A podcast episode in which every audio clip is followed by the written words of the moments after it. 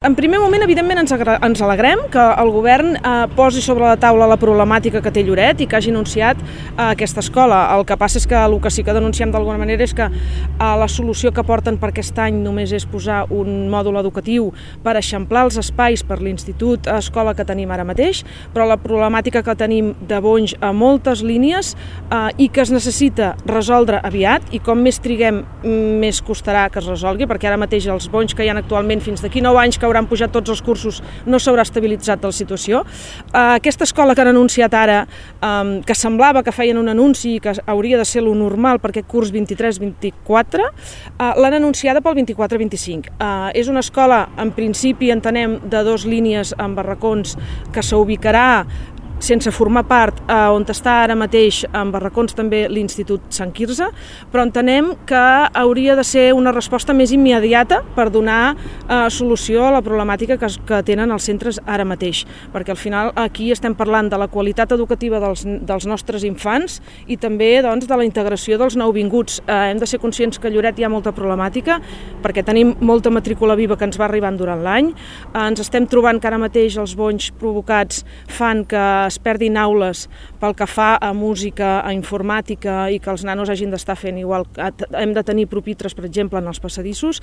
També la Interam pel que reclama d'alguna manera és la solució eh, per lo que és aules d'acollida, de tenir vetlladors, perquè això és el que provoca doncs, aquesta manca d'espai, és a dir, es podria revertir d'alguna manera, fer una solució més ràpida per millorar aquesta qualitat. Jo el que voldria també és destacar i lamentar la situació eh, de comunicació, perquè jo m'he reunit amb la Interamp en diverses vegades i m'han transmès aquesta falta d'informació que tenen per part de l'administració, tant sigui l'Ajuntament com la Generalitat.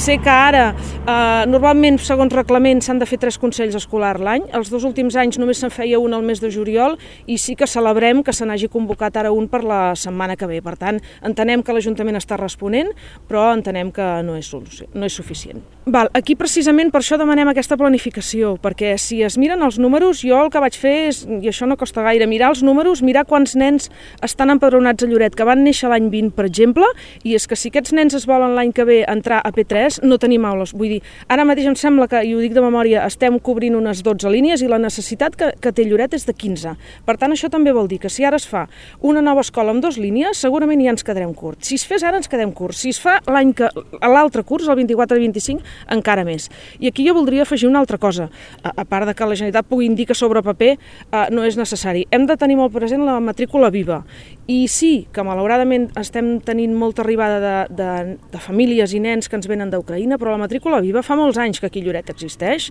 Per tant, és un tema consolidat i que no és només que aquí és on la Generalitat diu que potser aquests nens o aquestes famílies marxaran, però la problemàtica la continuarem tenint. I per últim, jo el que voldria destacar és que jo em sembla, i això potser ho sabrà dir més bé el regidor o, o, el, o el diputat Jordi Oravits d'Esquerra Republicana, perquè ell també té el peu com jo tinc al Parlament i ell pot tenir més força perquè ell, evidentment, està amb el partit polític que ara mateix eh, està governant i té la solució. Eh, amb aquest aspecte jo el que voldria dir és que eh,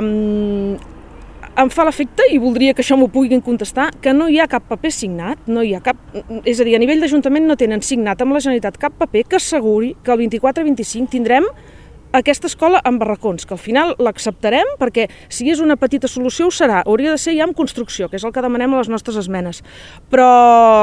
que ens ho assegurin i ho signin, perquè ja ens tornarem a trobar el 24 i 25 i espero que hi sigui, perquè si no hi és, doncs potser alguns els hi pujaran els colors, encara que potser ja no estaran en l'àmbit polític.